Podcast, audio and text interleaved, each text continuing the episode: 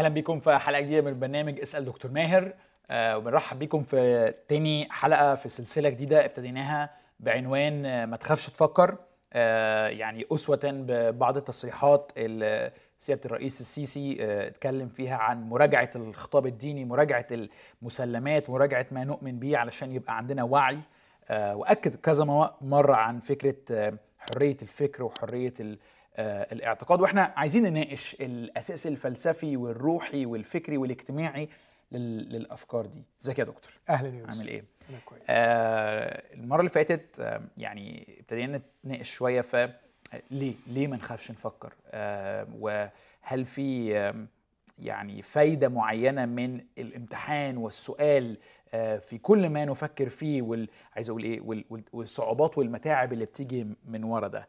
فيعني آم، هسألك سؤال تاني وأكيد أنا متأكد إن حضرتك عندك أسباب كتيرة غير اللي ناقشناها المرة اللي فاتت.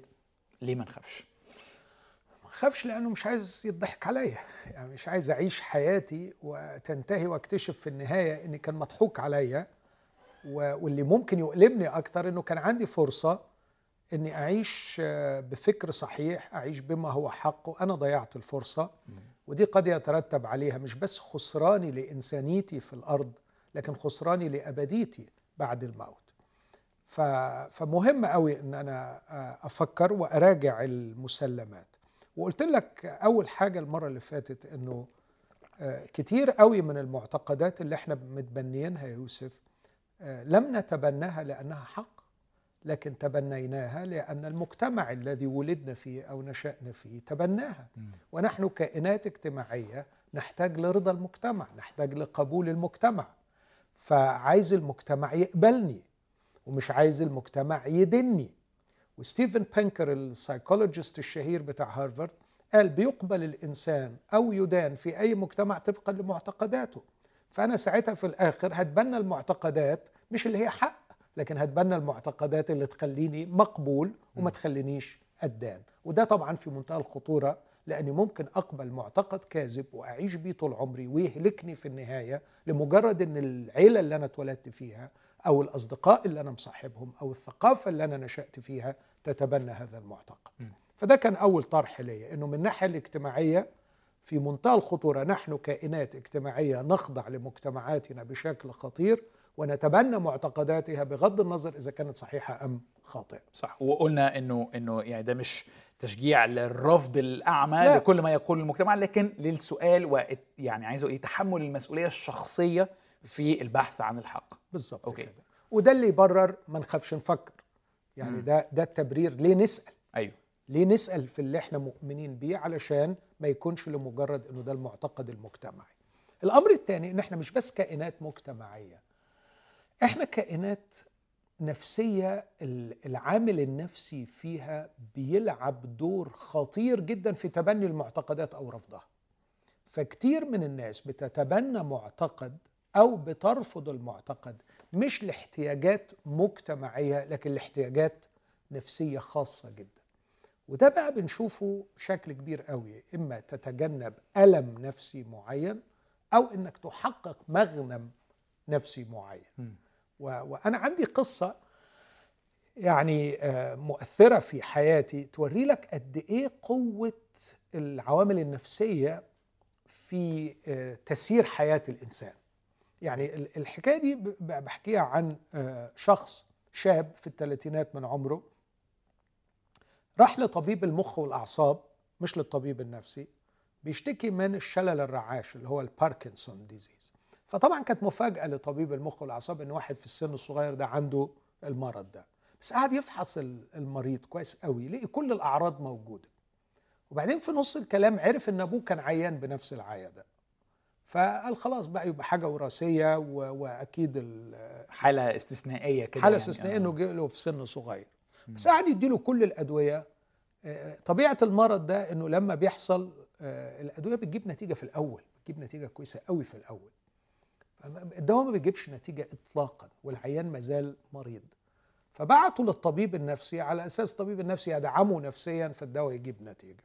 فالطبيب النفسي ابتدى يتساءل في طبيعة هذا المرض ويحلل أكثر.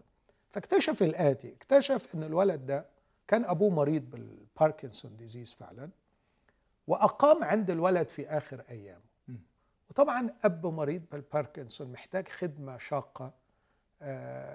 زوجة الابن تعبت. فبقت في مشاكل بين الولد ومراته بسبب وجود وإقامة الأب عندهم. فكان الولد جواه رغم حبه لأبيه واحترامه لأبيه لأن أبوه كان راجل عظيم في عينيه لكن كان جواه رغبة أنه لو بابا مات هو هيرتاح وهيريحني أنا. وبعديها بأسابيع قليلة الأب مات فعلا. بس في خلال فترة بسيطة بعد وفاة الأب جه المرض. بالتحليل وجد الطبيب النفسي أن الولد بعد موت الأب كان في حالة مأساوية من الشعور بالذنب حزن شديد.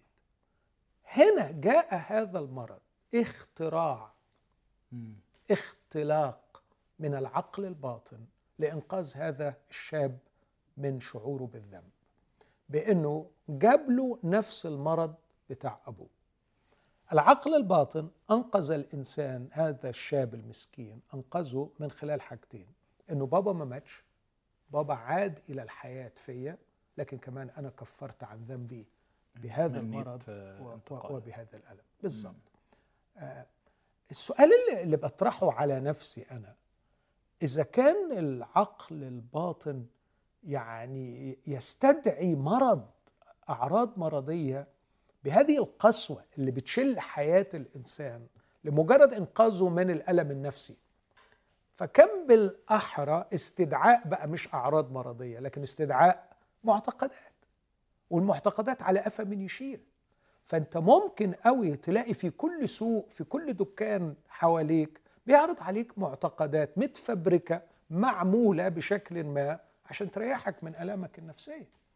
فإذا كان الخطر ده قائم وموجود إنه ممكن الواحد يكون تبنى معتقدات معينة تريحه من ألامه النفسية. مثلا مثلا ممكن أتبنى معتقد أنا وحش أنا اذيت أنا دمرت حياة إنسان. أنا واحد اعتدى على طفل جنسيا ودمر حياة الطفل وبيشوفه قدامه فعلا مدمر بس بيدي الفقراء وأقنع نفسه إنه بإعطائه للفقراء هو كده بار وكفر عن ذنبه. ففكرة وجود معتقدة أنك عندما تعطي الفقراء وتدفع أموال تكفر عن ذنوبك اللي جرحت بيها ناس وحطمت بيها ناس ودي قصة حقيقية أنا شايفها قدامي وشايف إنه المدمر وعلى فكرة المدمر ده أخوه يعني يعني يعني هو حطم حياة أخوه وجعل منه حطام إنسان مش عارفين نقومه دلوقتي بس هو بيدفع للفقراء. فتبني معتقدات خاطئة يمكن أن ينقذك من الألم النفسي ويجنبك هذه المعاناة النفسية. فده يخلينا أقول يا جماعة أرجوكم ما نخافش نفكر في معتقداتنا ما نخافش نراجع مسلماتنا لأنه من الممكن أن هذه المسلمات آه، تودينا في داهية. صحيح هتطلعني من حالة الراحة اللي أنا حصلتها بسبب هذه الخرافة أو بسبب هذا المعتقد لكن هتخليني أبحث عن الطريق الصحيح لعلاج هذه المشكلة. بدل ما أدي فلوس للفقراء يمكن إن أنا أحتضن هذا ال ال ال هذه الضحية وأحاول إن أنا أعالجها نفسيا علاج صحيح أحاول إن أنا أدخل في علاقة جيدة معاه أعوضه بيه. يعني أجد الطريقة الصحيحة لعلاجي من الألم النفسي اللي أنا فيه. فده تاني سبب يخلينا نراجع معتقداتنا. لئلا نكون تبنينا معتقدات غير حقيقية خرافية لإراحة أنفسنا من الألم النفسي أو تحقيق مغانم نفسية بينما في النهاية ستهلكنا. فكرة رعباني لعدة أسباب وخليني أشاركهم معاك كده واحد واحد يعني نتناقش فيهم. الفكرة الأولى إنه عندي انطباع ممكن يبقى مش فكرة بس انطباع إنه ده كده كل الناس محتاجة تروح لدكتور نفساني. يعني يعني أنا أكيد كل واحد فينا مر بشيء عرضه لنوع من الجوع أو الاحتياج أو الوجع أو الذنب أو كده اللي تخليه يتبنى رأي ما. وأنا عمري ما هعرف أكتشف الحاجات دي بنفسي لأنه ما هي هي حلقة يعني مفرغة. فأنا محتاج أروح لحد دايما يبصصني على نفسي ويقول لي آه أصل أنت مؤمن بالموضوع ده علشان أنت عندك الاحتياج وهكذا. خليني أعلق على دي بسرعة قبل أوه. ما تنتقل أوه. قبل بس ما انساها وما تنساش اللي أنت عايز تسألني فيه. بليز باسكال الفيلسوف المسيحي الفرنسي الرائع والرياضي العظيم في ال notes بتاعته المذكرات اللي كان بيكتبها كان بيقول إنه دايما أنا بكتشف في معتقداتي خرافات. فقال التعبير الجميل ده عشت لأخلص إيماني من عدم إيماني. هو اعتبر إن الخرافة ده عدم إيمان. فعشت أخلص إيماني من عدم إيماني. على قياسي الصغير ما فيش في مرة فحصت معتقد عندي يا يوسف إلا ولقيته محتاج تصويب. فإحنا دايما محتاجين إن إحنا نعيش في حالة مراجعة مستمرة للنفس. بس بس عارف زي ما يقول الكتاب النور حلو للعينين. آه، فتح كلامك ينير يعقل الجهال. كلما خلصت إيماني من خرافاتي كلما خلصت إيماني من عدم إيماني كلما ارتقيت وفرحت لأن الحق يحرر والحق مفرح. ولو ما كانتش الحرية اللي جاية من الحق تستاهل ما كانش الواحد تعب. لكن الحرية اللي المسيح وعد بيها تعرفون الحق والحق يحرركم تستاهل التعب. فمش محتاج تروح لطبيب نفسي لكن محتاج التواضع محتاج الشجاعة. محتاج التواضع إنك تبقى عارف إنه على فكرة عقلك محدود وعمره ما سيحيط بالحق علما. فأنت دايما بتشوف جانب وبتاخد منه حتة فكن متواضع مقتنع إنك ما تعرفش مش كل اللي أنت مقتنع بيه صواب. وهذا التواضع على فكرة واحدة من هذا التواضع بي بي في النقطة دي يعني يخليني مفتوح للعلاقات السوية. يعني بيخليني أقدر أحب الناس وأقدر الناس لأني ببقى حاسس why not إن الشخص ده يكون عنده فكر أنا محتاج إليه. فتلاقي الناس المتضعين سهلة قوي إن هم يدخلوا في علاقات سوية مع الآخرين لأنه مفتوح إن هو يتعلم ويراجع نفسه. تخيل أنت لو دخلت في علاقة مع واحد arrogant هو مقتنع إنه دايما على صواب. أنت مش هتكمل في العلاقة معاه أسبوعين. مش هتقدر. لكن كمان محتاج الشجاعة بقى إنه آه، لو لقيت حاجة غلط إنك تغيرها. أوكي. أكيد كل الناس عندها معتقدات من هذا النوع اللي فيها أنت بتريح روحك وخلاص. بس أنت أقول أنا أنا محتاج أروح لطبيب نفسي يعني وحضرتك بتقولي لا أنت مش محتاج. فيعني يعني طبيب نفسي دي حالة أنا الحالة اللي قلتها دي حالة خاصة وممكن تروح لطبيب نفسي ما يفهمش إطلاقا في المعتقدات ويضيع الدنيا يعني. آه مش كل الأطباء النفسيين مثقفين يعني ويقدر يناقشك في المعتقدات. مم. لكن أنا ذكرت الحالة دي بس علشان أقول إن الطبيب النفسي هنا اكتشف إنه العقل الباطن اختلق ودي حالة معروفة عندنا في الطب النفسي اختلق حالة مرضية ليزيح الألم النفسي. أوكي. فأنا قياسا عليها بقول هو أنهي أسهل للعقل إنه يختلق معتقد أم يختلق مرض. معتقد أكيد. معتقد. آه. ولا ف... سيما من المعتقدات على قفا من يشيل. أيوه. فأنت كل نوع من الألم النفسي تقدر تلاقي له معتقد. يعني مثلا في في في دوايرنا الإنجيلية في الفترات ال... في الثلاث أربع عقود اللي فاتوا ساد كانتشار النار في الهشيم إنجيل الرفاهية والغنى. إنجيل الرفاهية والغنى بيقول إيه؟ بيقول إن أنت الصحة والغنى. بيقول إن أنت هتبقى healthy and wealthy هتبقى صحيح جسديا وهتبقى كمان غني. أنت عندك ألم نفسي لأنك مريض وعندك ألم نفسي لأنك فقير. أسهل بضاعة تشتريها في الوقت ده هو إيه؟ حاجة بتوعدك تقول لك إنه ربنا هيديك. هيشفيك وهيغنيك. آه. طبعا. فبتشتري المعتقد لكي تتجنب الألم النفسي. بس السؤال بعد سنتين ثلاثة من تبني هذا المعتقد ويثبت في النهاية إنك لا خفيت ولا غنيت إيه اللي بيحصل؟ هو الغريب إن أنا بشوف الناس بتكمل فيه يعني ما أعرفش ليه بقى. لأنه التكلفة بتاعة الإحباط منه أكثر خطرا من خدعة التمسك بيه. أيوه حلو قوي بقى النقطة دي دلوقتي. يعني ده فعلا كان سؤالي التاني إنه ماشي نفترض إنه في حد يعني عايز يمشي السكة بتاعة إنه يصفي أو يفلتر معتقداته إيه اللي فعلا معتقد فيه علشان صحيح وليه دليل وليه تبرير زي ما اتكلمنا المرة اللي فاتت وإيه اللي أنا بس واخده كده علشان بيريحني نفسيا. بس دي حاجة يعني اعتبري عندنا فترة انتقالية بقى. افترض مثلا اكتشفت إنه المعتقد X عندي ده ده واحد من النوع اللي هو إيه أنا متبنيه كده. بقى عندي بقى يعني صراع وتكلفة كأني sorry يعني كأني بقيت عريان. يعني الحاجة اللي كانت ماسكاني وشايلاني وحملاني ومغلباني على وجعي وغلبي راحت مني. أعمل إيه بقى؟ في الفترة دي اللي هو ما قبل الوصول بقى إلى العلاج أو المعتقد الصحيح وما بين إن أنا تركت أو اكتشفت المصيبة اللي أنا كنت فيها في بقى فترة من العذاب. مظبوط. آه مظبوط. إيه بقى؟ آه يعني أنا وأنا رايي إنه دي الفترة اللي زي ما حضرتك قلت بتخوف بقى الناس من ال... الخوض في المرحلة دي يعني. يعني أعتقد إن في ناس اتصدمت في المعتقدات بتاعتها زي المعتقد بتاع ال- الصحة والغنى ده. لكن زي ما قلت لك إنه يعني إيه يعني؟ يعني كل اللي أنا كنت فيه كان غلط.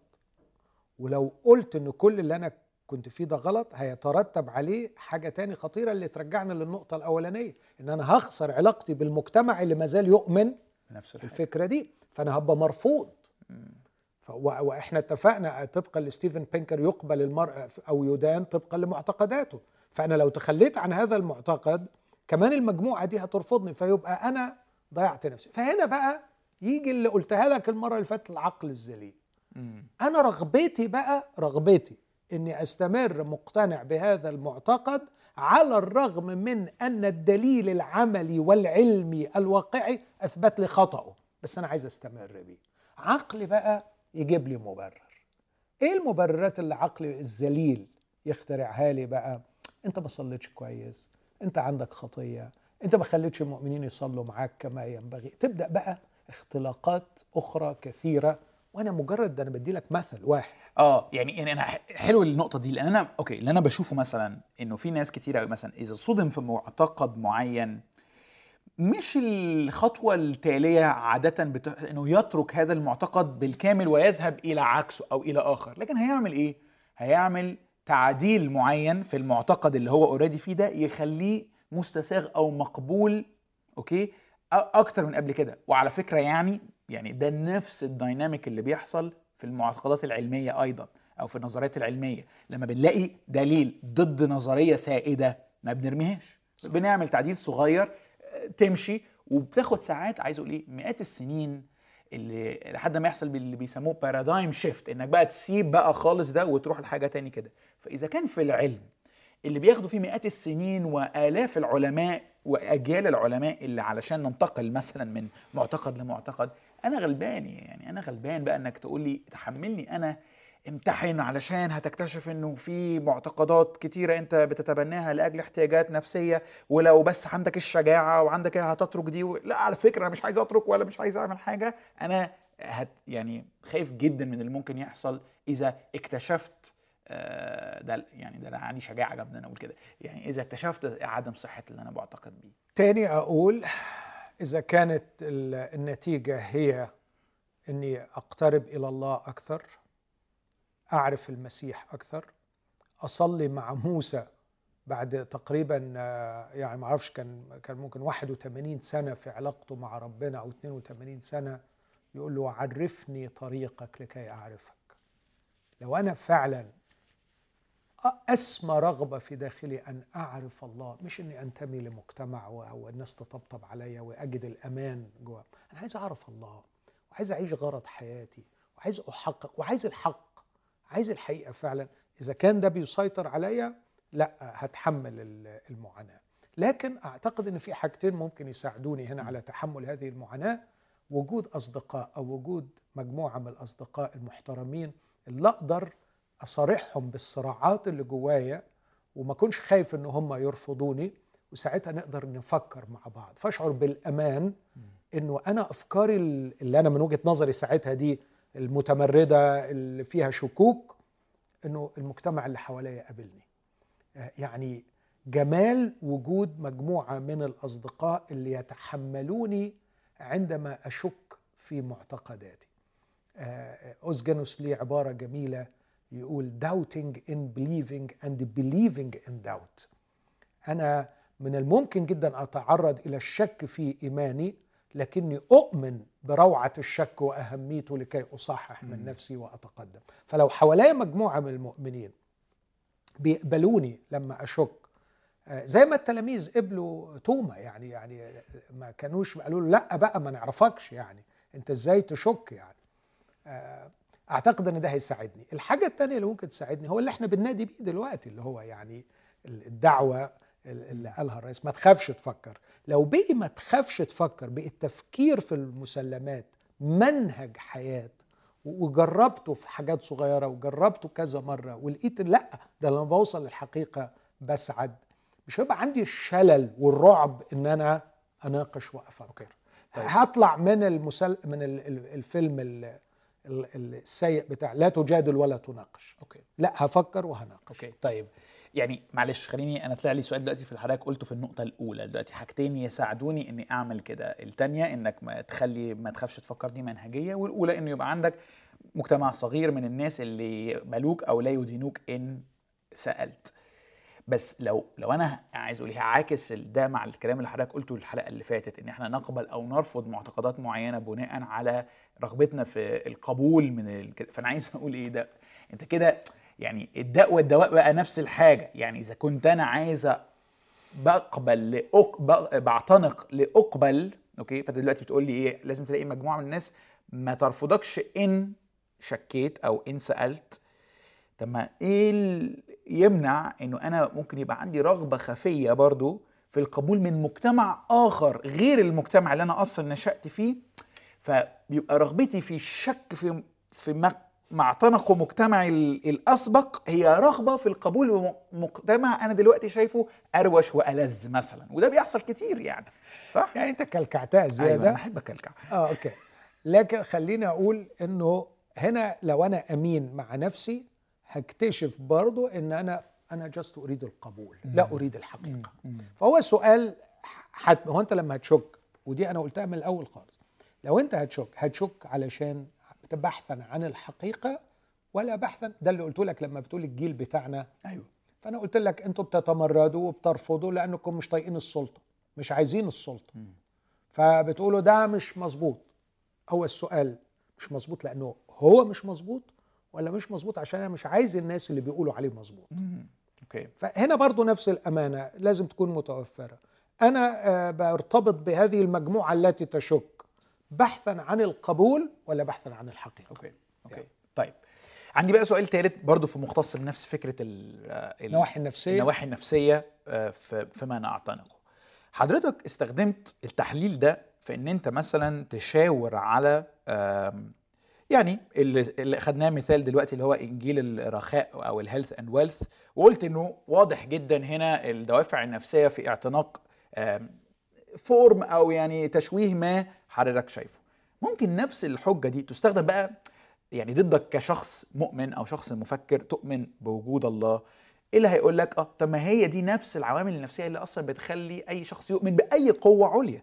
يعني فكرة فرويد مثلا إنه بينتقد جدا آه، المسيحية في اعتناقها إنه الله أب سماوي. يقول لك آه أنت أصلي آه، عندك احتياجات نفسية للأب والأب البشري آه، غير دايم وما عندوش كل الإمكانيات وهكذا. فأنت عايز لك أب كوني أو أب سمائي.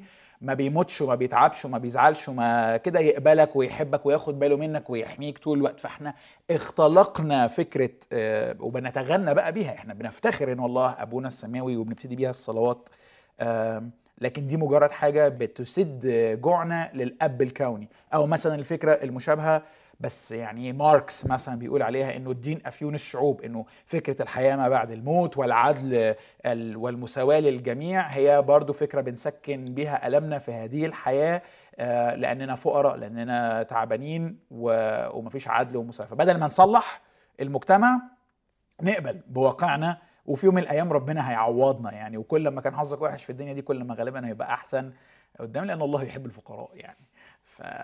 فاهمني. يعني عايز أقول إيه هنبتدي بقى نخش بقى في الدوافع النفسية دي سكينة علينا كلنا يعني مش بس على بعض الناس. بالعكس وأنا قابل السكينة دي وأعتبر السكينة دي نعمة لكي أخلص إيماني من عدم إيماني لكي أخلص قناعاتي من أي خرافات لحقت بها. فأنا أقبل التحدي وأحب هذا التحدي الذي يجعلني باتضاع أمتحن ما أؤمن به. وإذا كنت أنا أطالب الآخرين إن هم يعني يفكروا ما يخافوش يفكروا بالأولى أنا أكون أمين مع نفسي وأعيش اللي أنا بنادي بيه فأنا أراجع أيضا نفسي. فأنا مش على هذا المنبر يعني آه، ألقي كده وعظات للناس لكن لا أنا بقول حاجة بعيشها. إن أنا دايما عمال أراجع في نفسي وإذا كانت دي سكينة أنا أحب إنها تطبق عليا قبل ما تطبق على غيري. الطرحين اللي أنت قلتهم أنا أتذكر من سنوات طويلة يمكن أربع خمس سنين أنا وأنت قدمنا آه، حاجة موجودة على اليوتيوب. هل خلقنا الله فاحتجناه أم احتجنا الله فخلقناه؟ فاكر؟ قدمنا حاجة زي كده اللي هي بيسموها ال psychological crutch أيوة. فأنا مش عايز آخد وقت الحلقة في إن أرد على فرويد وأرد على ماركس لكن بالفحص لكلام فرويد وبالفحص لكلام ماركس في ردود كتيرة عليه. خلينا أقول ردين صغيرين قوي بالنسبة لكلام فرويد هو فعلا من الممكن أن يختلق الناس الها بسبب شعورهم بالاحتياج لقوة عليا عظيمة. موجود ممكن قوي لكن من الجانب الثاني أقول هو مش ممكن لو في إله حقيقي خلقنا فعلا لكي ما ندخل في علاقة معه ويهتم بنا ويعتني بنا يكون لدينا بالطبيعة احتياج نحو هذا الإله الذي خلقنا لذاته؟ منطقي ولا مش منطقي؟ منطقي. يعني ماشي هوافقك على إنه منطقي إنه بسبب عمق الاحتياج لدينا لصغرنا وضعفنا ومحدوديتنا عمق احتياجنا لقوة عظمى تعتني بنا من الممكن أن نخلق إله. وهذا حدث في التاريخ البشري. ياما الناس اخترعت آلهة اخترعت آلهة كثير. العبادة الوثنية كلها نتيجة أنه الناس بتتخيل إله يشبع ويسرع لها في هواها وفي رغباتها فبتخترع الآلهة. لكن من الجانب الثاني أتساءل برضو وأقول هل من المنطقي أنه لو في إله عظيم رائع خلقنا وهو صالح ومحب وخلقنا لكي ما يمتعنا برحمته ونعمته أليس من المنطقي أن يكون لدي احتياج لهذا الإله إذا انفصلت عنه وإذا ابتعدت عنه؟ لو ده التصميم ده بتاعي لو التصميم. بعدت عنه يحصل لمبة تنور أو مشكلة بالظبط. تحصل. بالظبط أوكي. فكوني كوني مثلا أشعر برغبة في ال- في رؤية الجمال هذا يؤكد أنه يوجد جمال في الخارج. إذا شعرت برغبة عميقة في داخلي للماء فهذا يؤكد أن هناك ماء. ف- فعايز أقول أنه بقى لو أنا بقى مسكت بقى كلام فرويد وناقشته هطلع لك فيه غلطات كتيرة قوي ممكن في المحاضرة دي يمكن أكون أشرت لبعضها okay. بالنسبة لماركس برضو أرد عليه بكلام ال- الرجل العظيم على ما أذكر يمكن سولشينيتزن أو سولجينيتسين قال لك الأفيون الحقيقي للشعوب ليس الدين الأفيون الحقيقي للشعوب أن تفعل ما تشاء وتعتقد أنه لا حساب هو ده الأفيون ده المخدر الحقيقي. فأنا أرد عليه برضه بنفس سيفه. بقى أفيون الشعوب ولا الإلحاد اللي هو ممكن يكون أفيون أقوى في تأثيره؟ عيش كما شئت ولا يوجد أي حساب. ده الأفيون الحقيقي. آه آه، وبعدين لما تشوف القصة المجتمعية ودي من أهم الحاجات اللي بحب أركز عليها الحكاية ال narrative بتاعت المجتمع اللي انطلق منها هذا الفكر تلاقي إن ماركس ما جابهاش من الهوى ماركس جابها من واقع مؤلم جدا. كان فيه الإقطاعيين يسيطرون على الفلاحين المساكين ويسحقونهم مدعومين بسلطة رجال الدين. الدين. فكان it make sense يعني لكن طب على فكرة كان في مرات تانية في التاريخ المسيحي إيمانك بالدين هيقطع هيطير رقبتك. مش يعني يصبرك على اللي انت فيه. صح. مفيش فايدة بالعكس ده في بالعكس ضرر من ده في. ضرر. ده انت هتبقى غني وعندك وعندك وعندك وهيتاخد منك القصر بتاعك وهيتاخد منك فلوسك وتتاخد منك حياتك. وياما التاريخ مليان بقصص ناس ضحوا بكل شيء. فممكن نرد على الكلام ده أوكي. يعني. لكن يبقى أن الاحتياجات النفسية عامل أساسي في تبني الناس للمعتقدات. وأنا شخصيا في رحلة حياتي الإيمانية تبنيت معتقدات لأنه كان في احتياجات نفسية عندي. أوكي. فتبنيت هذا المعتقد ورفضت هذا المعتقد لأن هذا المعتقد ربطني بمجموعة من الناس فاشبع عندي احتياجات اجتماعية وحقق لي مكاسب نفسية. لكن مع الأمانة والتواضع والمحاولة والاجتهاد أخلص إيماني من عدم إيماني وأخلص قناعاتي من خرافاتي. حلو جدا. ما تخافش تفكر. أول سبب قلناه إنه ما تخافش تفكر علشان غالبا نسبة كبيرة من المعتقدات اللي أنت معتقدها أنت مش معتقدها علشان هي حق. أنت معتقدها علشان هي بتخليك تقبل في مجتمع معين وده مش دافع صحيح أو مسطرة صحيحة تقيس عليها معتقداتك. والسبب التاني قلنا إنه مش كل حاجة أنت بتؤمن بيها حق لكن ممكن تبقى اخترتها أو حتى اخترعتها علشان تشبع احتياجات نفسية. آه، أو وده- تتجنب آلام نفسية. أو تتجنب آلام نفسية وده برضو مش آه، مش دافع صحيح أو مسطرة صحيحة. إيه كمان؟ إيه تاني ممكن آه، اسمح لي أقول؟ للأسف للأسف بيننا وحولنا ومعنا وفينا أناس مريضة بالسلطة. في ناس بتحب تتسلط على الناس. نتيجة اضطرابات نفسية في شخصياتهم. في ناس بتحب تسيطر على الناس. المشكلة الكبيرة بقى إنه أسهل طريق للسيطرة على الناس هو الدين. وأسهل طريق للسيطرة على الناس بالدين أن تزعم أنك تملك الحقيقة. وتقنع الناس بأن هذا هو الحق وحده وما عداه خطأ وهرطقة. فأصبحت أنت مصدر قوة ومصدر رعب. أنا ما أقدرش أختلف عنك. أنا ما أقدرش أبعد عنك. أنت تملك الحقيقة وأنت علمتني هذه الحقيقة وأنت تمثل أمامي السلطة التي تملك هذه الحقيقة فأنا سأتبعك صاغرا. عشان كده بقول للكبار والصغار أقول لنفسي قبل أن أقول لغيري لنحذر لأنه لدينا مرض السلطة. بنحب نتسلط بنحب نتأله بنحب نسيطر على الآخرين. والتاريخ أكد وأثبت إنه أسهل طريقة للسيطرة على الآخرين هو من خلال الدين. والسيطرة من خلال الدين أن تزعم أنك تملك الحقيقة.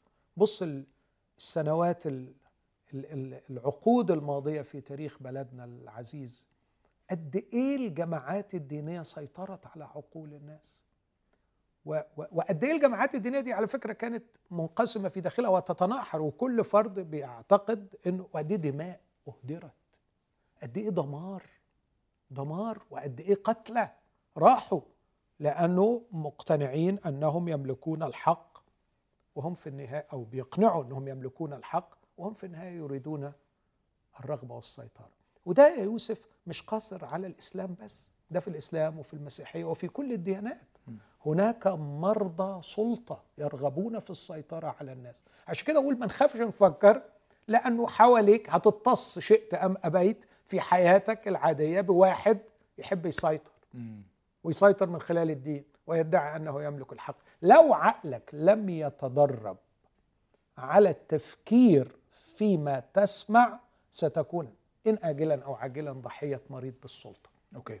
مرة كتبت عن الناس دول وقلت العقل النقدي الذي يطرح السؤال أينما ذهب هو عقل له حوافر تمكنه من ارتياد الطريق الوعر بحثا عن الحقيقة وله أظافر تمكنه من تخليص الحقيقة من أشباهها عندما يجدها. لذلك الراغبين في السلطة يخلعون الحوافر ويكسرون الأظافر ويجعلون العقل أملسا لا يصلح إلا للحشو مثل الباذنجان. ده عمل الناس اللي بتحب تسيطر على الناس بالدين. إنه يكره عقلك اللي بيفكر يكره عقلك اللي بيقول ليه ليه ليه.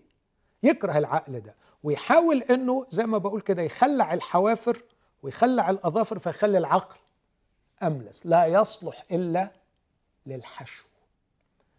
وده يوري لك المأساة التعليمية في بلادنا لأنه كان قد سبق رجال التعليم رجال الدين في نزع حوافر وأظافر العقل النقدي فجعلوه عقل لا يسأل ولا يناقش ولا يجادل ولا يراجع لكن بس يقبل ويحشو يقبل ويحشو. وده بيقود مش لتخلف البلاد. تخلف البلاد هو حاصل جمع تخلف الإنسان وهلاك الإنسان في النهاية. عشان كده تاني أرجع وأقول كم يبهرني سيدي المسيح في أنه كان حيثما يذهب يسأل وكان يرحب بالسؤال. أخطر اجتماع وأهم اجتماع في الليلة التي أسلم فيها وهو قاعد بيودع التلاميذ. كان معاه 11 واحد خمسة منهم سالوا وده اللي اتسجل لنا. يعني أيوة. مش بعيد الباقي كله كان بيسأل. لكن عايز أقول لك تخيل أنا كنت بتخيل بقول يعني معقول الحديث بتاع من يوحنا 13 ل 17 ده. يعني لو ما كانوش التلاميذ سألوا ما كانش هيجي لنا. ده أنت قلت أعظم إعلانات المسيحية. إزاي كنت مخزنها لما الناس تسأل؟ يعني ما طلعش كل اللي قاله إلا لما الناس سألت. سألت. فكان المسيح ليس فقط طارح للأسئلة لكن كان حاضن للأسئلة مشجع على الأسئلة و و ويطلب من تلاميذه دائما أن يسألوا.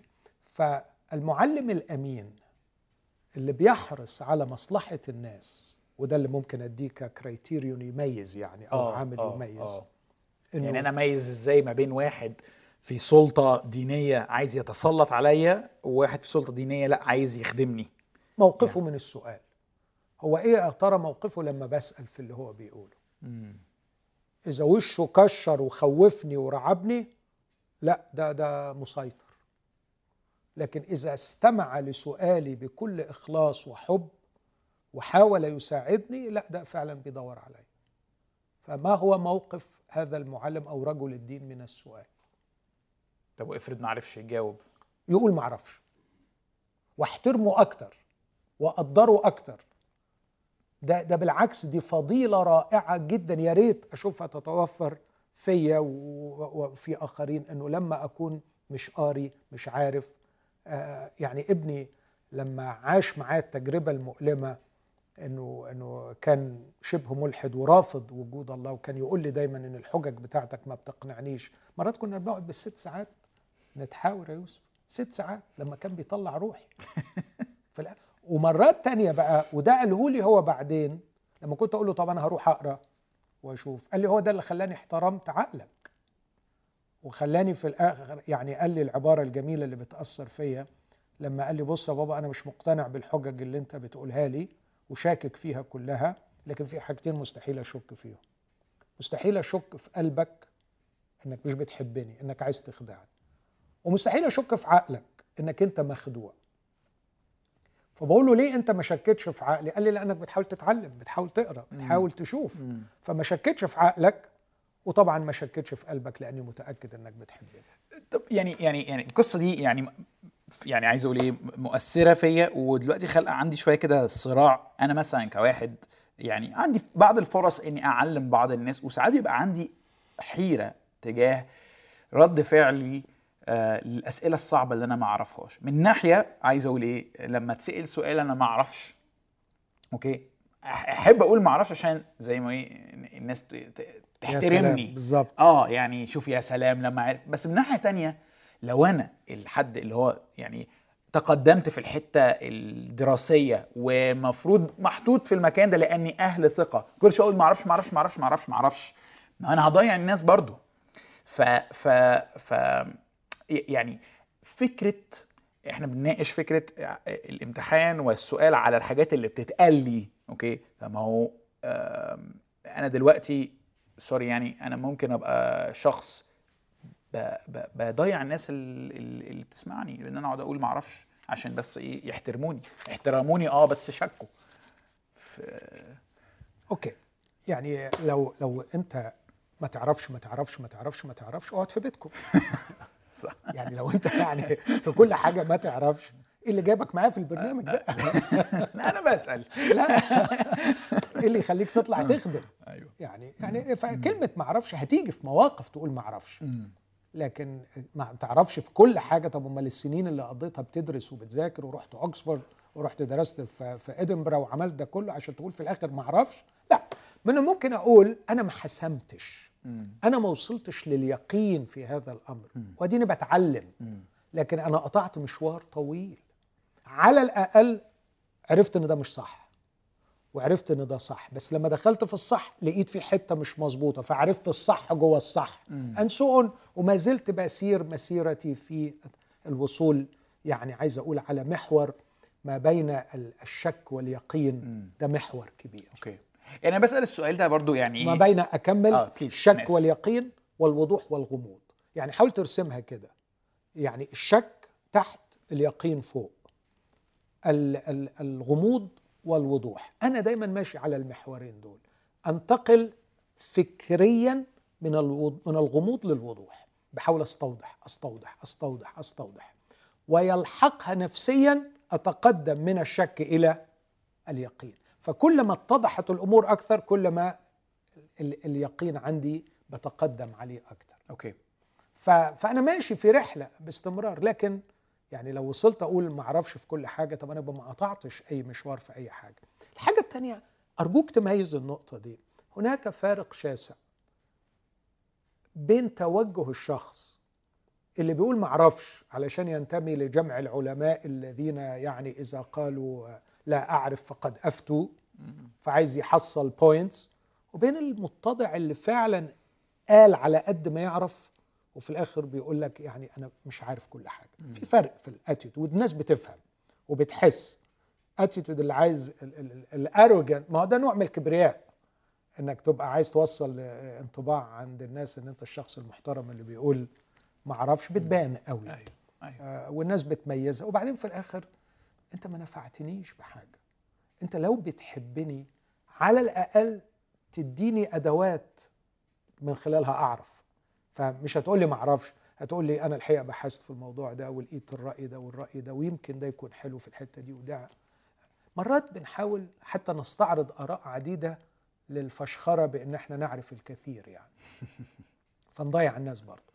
فبيبان ال- التوجه الحقيقي الصادق انت عايز تفيدني ولا عايز تستعرض عليا؟ أوكي. يعني يعني أشكرك على الإجابات دي. أنا بسأل السؤال ده يعني برضو في بالي. يعني بعض الانتقادات اللي وجهت للبرنامج هنا إنه إنه يعني من ناحية بيقدم تعليم بس من ناحية تانية بيثير تساؤلات وشكوك ويعني أسئلة كبيرة ما بنحسمهاش وما بنقولهاش. وده ممكن يبقى لبعض الناس بينافي دور المعلم. يعني دور المعلم اللي هو المفهوم الكتابي اللي إحنا عارفين اللي هو بيعلم شعب الله وبيقود وهكذا. ولو هفكر فيها حتى مش من وجهة نظر مسيحية أو بس من وجهة نظر دينية عامة لكل مجتمع ديني يوجد أعلام أو يوجد أعمدة الناس بت... جاية تتسند عليها مش لما تيجي تتسند عليها يقول لهم إيه لا ابحث لا شوف لا مش عارف إيه, إيه كل الكلام ده. ف... فأنا عايز أخد رأيك في حت... في الحتة دي. هل دايما إن إحنا ما عندناش يقين دايما سايبين أمور غير محسومة دايما عندنا حاجات فيها علامات استفهام. هل ده فعلا مفيد ويبني ولا دي حاجة يعني بت بت بتهز الأرض اللي إحنا واقفين عليها؟ يعني عندي كلام كتير يا يوسف بس مش حابب أتكلم عن نفسي يعني يعني لأنك أنت كده بت- بتجبرني إن أنا أتكلم عن نفسي وأنا مش حابب دي لكن يعني أنا اربأ بنفسي أن أكون يعني آه، هذا ال- الشخص الذي يلتف حول الناس. يعني أنا أشمئز أشمئز أشمئز من أن أكون هذا الشخص الذي يلتف حول الناس. أنا لست هكذا ولا أريد أن أكون هكذا وأموت قبل ما أكون هكذا. لكن أنا بشارك اللي اتعلمته. وكنت أمين في اللي اتعلمته على قد ما أنا فاهم وبشاركه وأرجو إن الناس تستفيد منه. هل الناس استفادت منه؟ على قد علمي في ناس بتقول لي انها استفادت منه. هل في ناس اهتزت بسبب اللي أنا بقوله؟ أشكر الله إنهم اهتزوا. آه واحدة من مهامي إن الناس تهتز لأنه أنا الحقيقة ما اتعلمتش صح إلا لما اهتزيت. أنا كنت بقضي ليالي سودة دموعي على في عينيا عايز أتعلم عايز أفهم. مش عارف الصح من الغلط عايز أوصل. ال ال الكتب اللي بنقراها والجهاد اللي بنجاهده والوحدة اللي عانيناها وإحنا عمالين نصارع مع الأفكار ما دي هي اللي في الآخر خلت الواحد يعرف له شيء. فأنا لما ألاقي حد هيهتز أمين بركة واللي بيستفيدوا أعتقد انهم موجودين وبيقولوا إن هم بيستفادوا وبيتبنوا. لكن الفكرة اللي أنت بترسمها دي إنه يبقى يعني آه، آه، شيخ منصر كده قاعد وبيلم الناس حواليه أنا يعني أشمئز من أن أكون هذا ولا ولا أطيق إنه إنه هذا يحدث. أنا مجرد تلميذ للمسيح. يشارك ما يتعلمه وقد يكون لدي معرفش قد يكون لدي موهبة تعليمية بس موهبتي التعليمية ما تطلعنيش بره إطار إن أنا تلميذ بتعلم. okay okay. بالعكس. ده ده ده كل ما بك بكتشف الحق أكثر بشعر إني أصغر وأتتلمذ أكثر. صح. فدي دعوتنا في البرنامج إنه يا جماعة إحنا بنشارك اللي اتعلمناه وشدوا حيلكم واقروا وادرسوا وفكروا. okay حلو قوي طب معلش عندي سؤال تاني فيما يختص بتعبير البحث عن الحقيقة. حضرتك استخدمت التعبير ده أكثر من مرة وهو كمان موجود في في التصريحات اللي إحنا بنناقشها. كنت بتناقش مع شخص شاب يعني عنده تشكك آه، جامد وبيقول لي أنا ما عنديش مشكلة إن أنا أبحث عن الحقيقة بس يعني عندي أزمة. هو بيقول عندي أزمة إنه أنا مسيحي اتولدت في بيت مسيحي okay؟ ودلوقتي أنا عندي شكوك في المسيحية. بس أنت بتقول لي إيه؟ ابحث هو بي يعني بي بيتحداني يعني يقول لي بيقول له ابحث ودور ومفيش مشكلة بس علشان ترجع لأصلك أوكي؟ علشان إيه؟ لكن عمرك ما هتشجعني إني أقول إيه ابحث في في في البوذية وأي حاجة مع إني بقول له بس في الآخر حتى لو بحثت في أديان أخرى أو في الإلحاد أو كده أنا ببحث كإيه؟ من باب المعرفة بالشيء بس في الآخر كل واحد عارف تحس إيه؟ ال ال هيسقط تاني مطرح ما ابتدى. يعني بس هيبقى أقوى. سأل شوية أسئلة. يعني عارف إيه؟ بعد شوية ورجع تاني. والنماذج اللي بنشوفها اللي فيها الحد لأ يعني ساب خالص وراح يعني قارة تانية يعني أو أو مكان أبعد قوي دي ال- النادر. وقال لي قال لي زي ما أنت كشخص مسيحي هتعبر عن ابحث في يعني عن الحق في إطار المسيحية ما بين قوسين. تاني برضو البوذي هيقول لي أو الهندوسي هيقول لي ابحث عن الحق في إطار البوذيه أو الهندوسيه أو هكذا. فاهم فاهم. قصدي؟ okay. فيعني هل إحنا sorry يعني لما بنقول إحنا بنبحث عن الحق إحنا فعلا فعلا فعلا ب ب بنبحث عن الحق بدون أي pre-commitment التزام مسبق؟ ولا دايما هيبقى في حتة كده خيط كده ماسكني للحتة اللي أنا ابتديت منها؟ okay ده سؤال يعني مركب جدا. اولا ما فيش إنسان ينطلق في بحثه غير منطلق من pre-commitment okay. يعني مهما. علشان نكون أمنا يعني. أنت في أي انطلاقة للبحث أنت عندك التزام مسبق. لكن السؤال إلى أي حد حد هتكون أمين فعلا وصادق مع نفسك وأنت تبحث فيما هو مختلف عنك. هل الحق الذي يمكن أن تجده هو الذي سيغلب أم الكوميتمنت اللي عندك هو الذي سيغلب؟ هل عندك استعداد أن تخضع التزامك وانتمائك للحقيقة التي تكتشفها أم العكس؟ فدي دي نقطة مهمة. النقطة الثانية أنت كشخص مسؤول لو أنت اديته الانطباع إن أنا بقول لك ابحث بس هتلف وترجع ده يبقى مش أمانة. يعني يعني إحنا المفروض لما نقول لحد ابحث ابحث. والمفروض بقى نديله المصادر اللي يبحث منها فيما هو عكس. صح. عكس إيمانك. يعني أنت تكون أمين معاه وتقول له على فكرة آه، فلان بيقول عكس كده. يعني آه، اديله كتب الملحدين؟ طبعا. بنفسي؟ طبعا. أوكي. طبعاً. يعني مش بس الردود عليها يعني يعني أنا ساعات أنا في الأول كنت أعمل كده عمري ما أقرأ مصادر الملحدين أقرأ المسيحيين اللي بيردوا عليهم فاهمني؟ فأنا aware هما بيقولوا إيه بس على طول معايا الرد وأخاف أقراهم لوحدي لألا إيه؟ بس أضيع. اديله يعني لا بالعكس خليه يقرأ المصادر الأولية. okay. لكن من الجانب الثاني بنحط على الأقل شوية criteria هو إيه اللي هيطلع في الآخر حق؟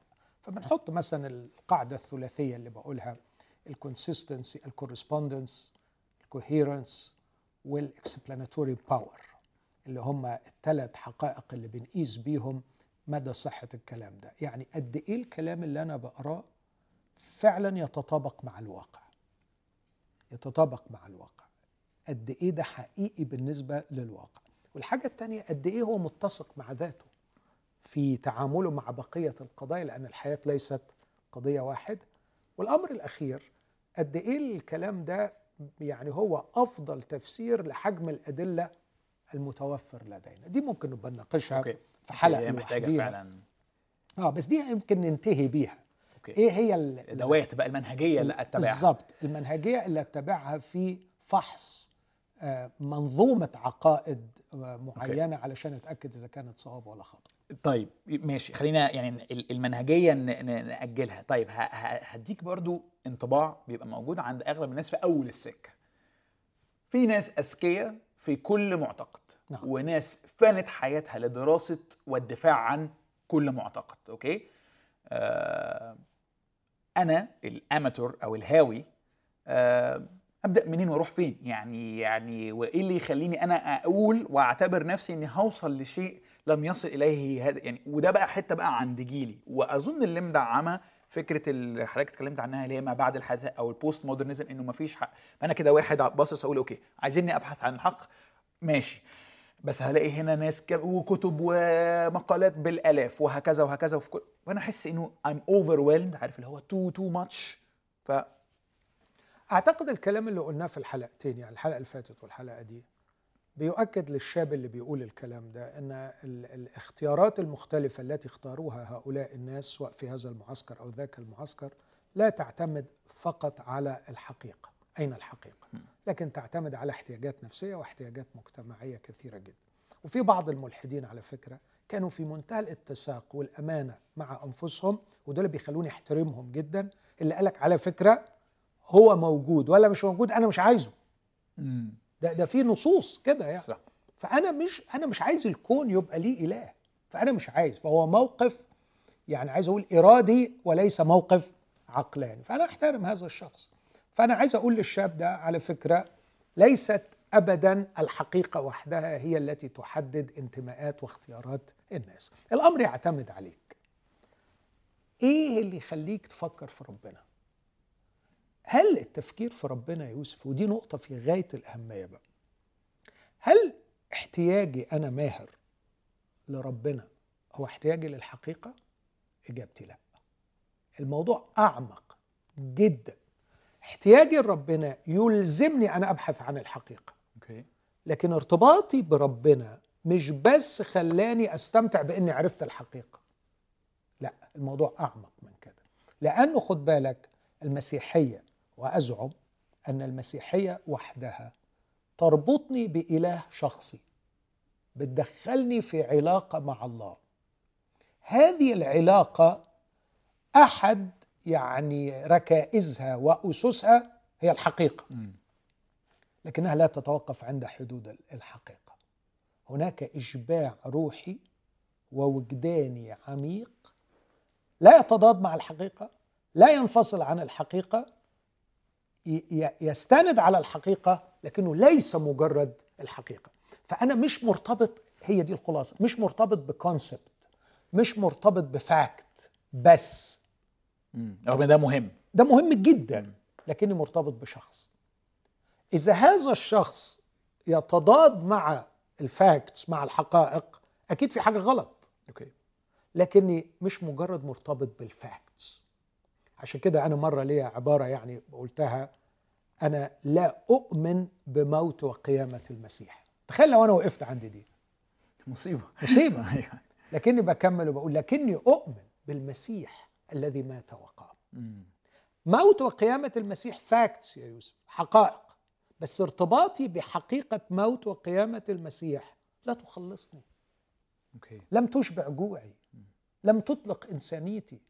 لكن الذي خلصني وأشبعني وحررني وارتقى بي مش إيماني ب facts بحقائق أن المسيح مات وقام لكن إيماني بالمسيح okay.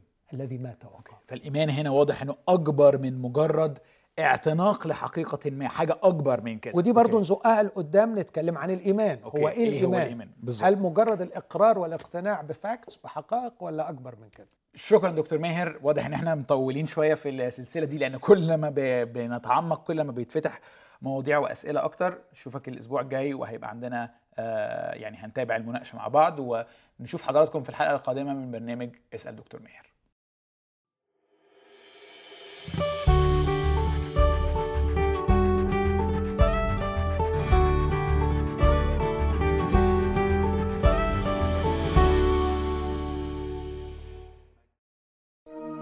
لمشاهدة المزيد من الحلقات زوروا سات 7 بلاس.